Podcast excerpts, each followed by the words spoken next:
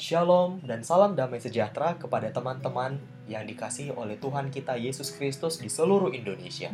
Selamat bergabung di dalam Kefas Indonesia Podcast, channel yang menyediakan renungan firman audio baik secara topikal maupun mengikuti jadwal pembacaan Alkitab Kefas Indonesia. Pagi ini, bersama Kak Stefanus Mulalinda, kita akan melihat poin-poin dan kesimpulan dari rentetan pembacaan Alkitab sepanjang satu minggu ini Puji Tuhan Kak Stefanus, satu minggu ini kita membahas mengenai kitab Tawarik dan juga kitab kisah para rasul. Kira-kira apa yang melatar belakangi adanya kitab Tawarik ini?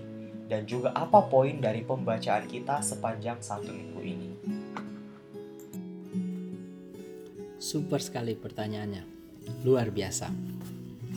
Baik teman-teman yang mendengarkan, mari sama-sama kita buka Alkitab kita kita melihat sedikit latar belakang dari kitab 1 dan 2 Tawarik.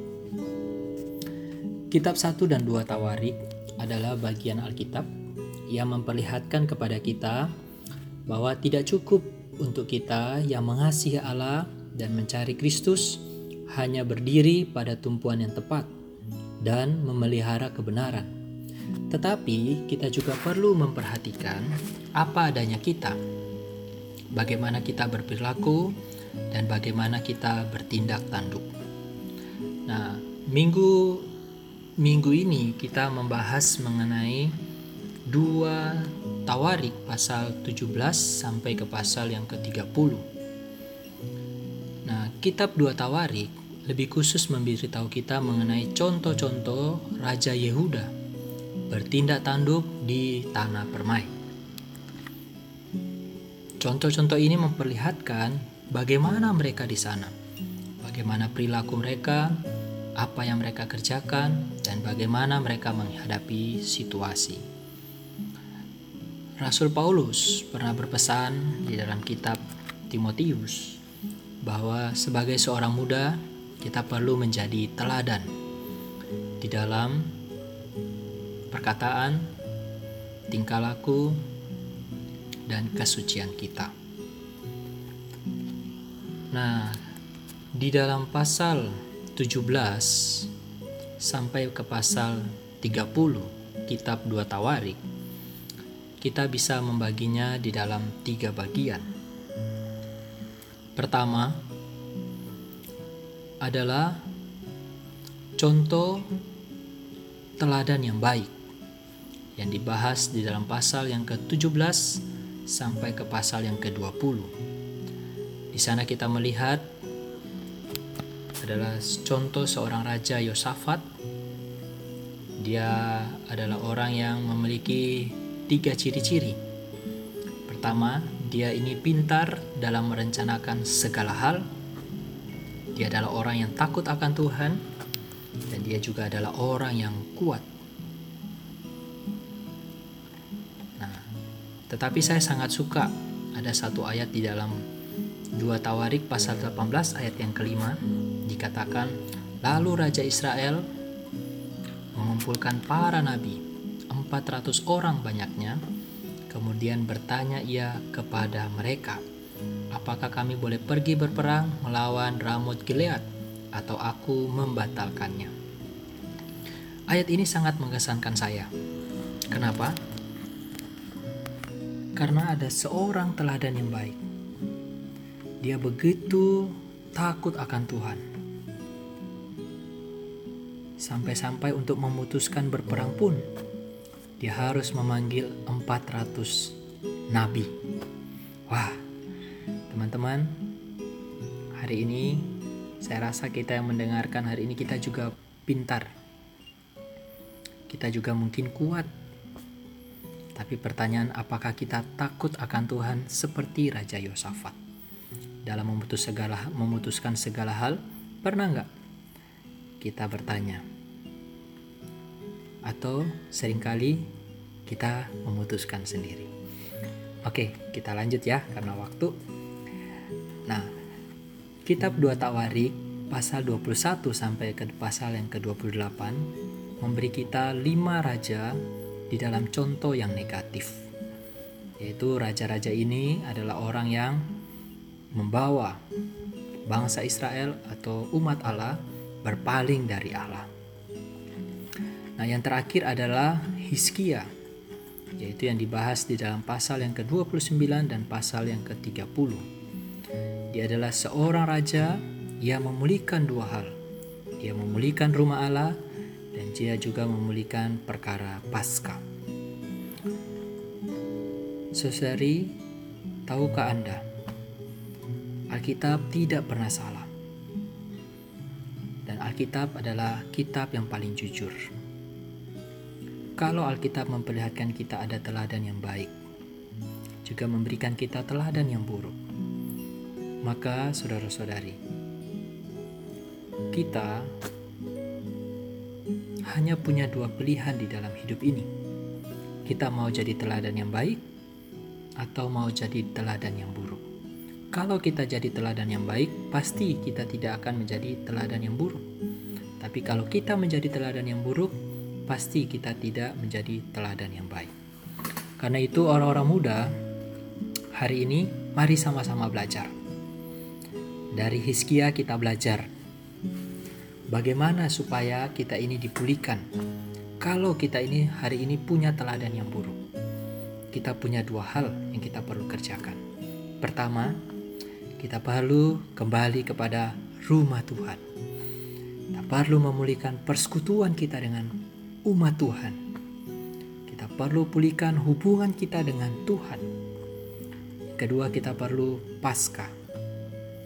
Kita perlu keluar dari cara hidup kita yang lama. Kita perlu dibawa keluar dari segala kemerosotan bangsa, kemerosotan dunia ini. Kita perlu dipulihkan. Haleluya. Inilah kitab 2 Tawarik pasal 17 sampai pasal yang ke-30. Amin. Wah, puji Tuhan ya.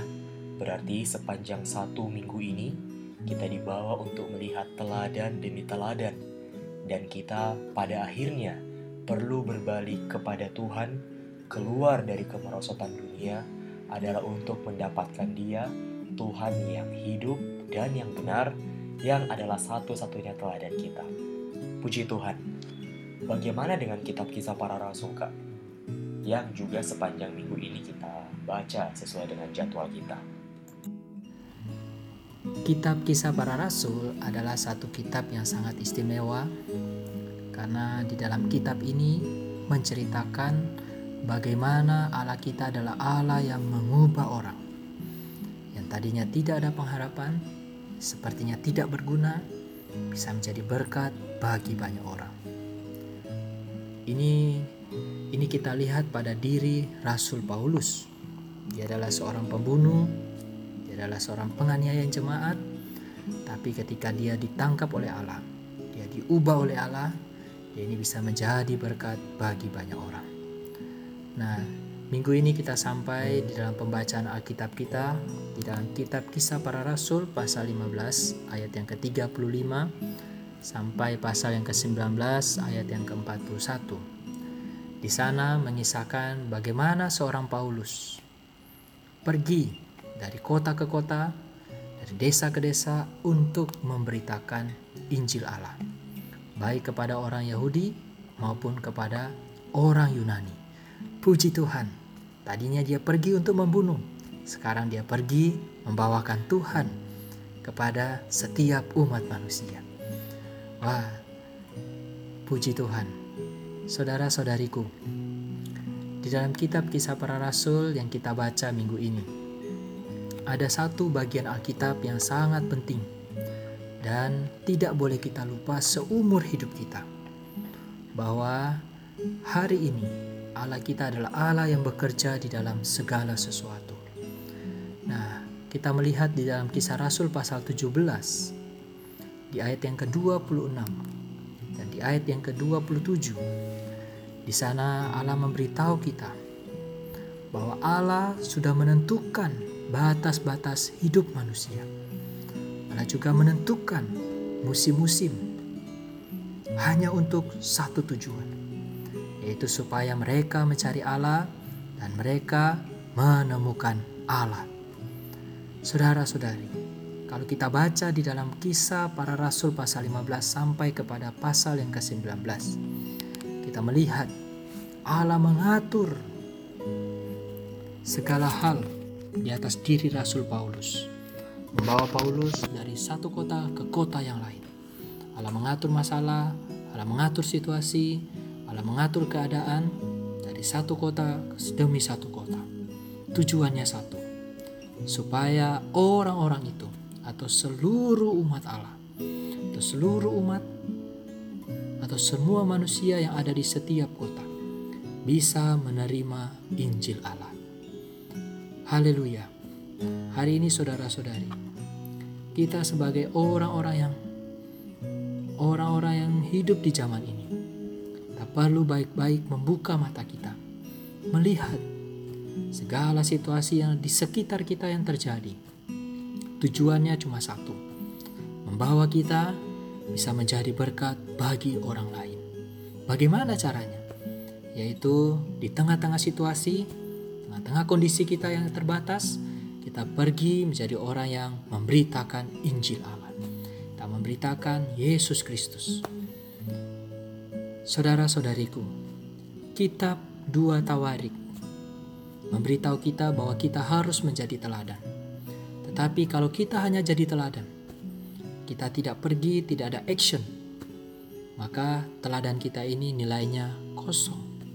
Kenapa? Karena tidak ada sesuatu yang kita hasilkan. Tapi saudari ketika kita punya teladan, kita ada action, maka saudara-saudari kita ini bisa menjadi orang yang bernilai. Rasul Paulus bukan hanya punya teladan yang baik. Itu dia ini pintar, terdidik, dia punya pengetahuan, dia punya hukum Taurat. Dia teladan yang baik di dalam hal pendidikan, di dalam hal karakternya, dalam hal dia mengasihi Tuhannya. Tapi Rasul Paulus juga punya action. Karena dia tahu dia mengasihi Allah, maka dia pergi.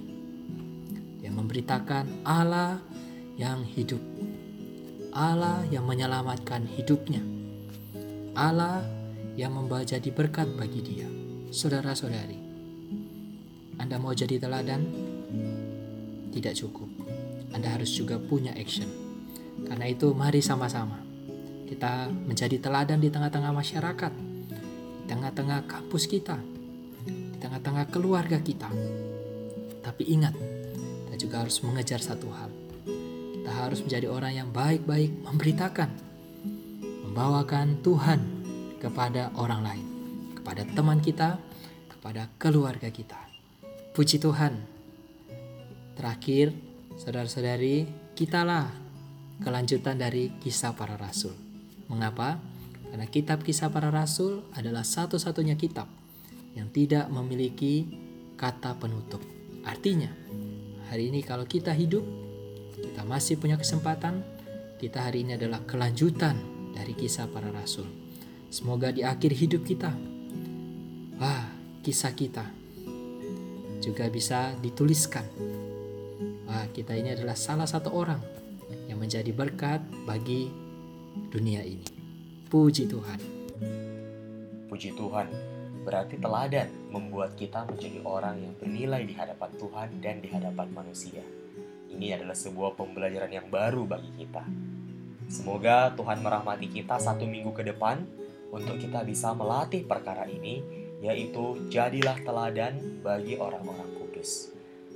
Puji Tuhan, bagi teman-teman yang damba seri-seri selanjutnya, mengikuti pembacaan demi pembacaan, teman-teman bisa segera follow Instagram at Kefas Indonesia. Di sana setiap harinya akan diupload jadwal pembacaan Alkitab yang bisa teman-teman ikuti dan kesimpulannya akan kita dapatkan setiap hari Minggu. Tuhan merahmati kita sampai berjumpa di edisi selanjutnya. Shalom. thank you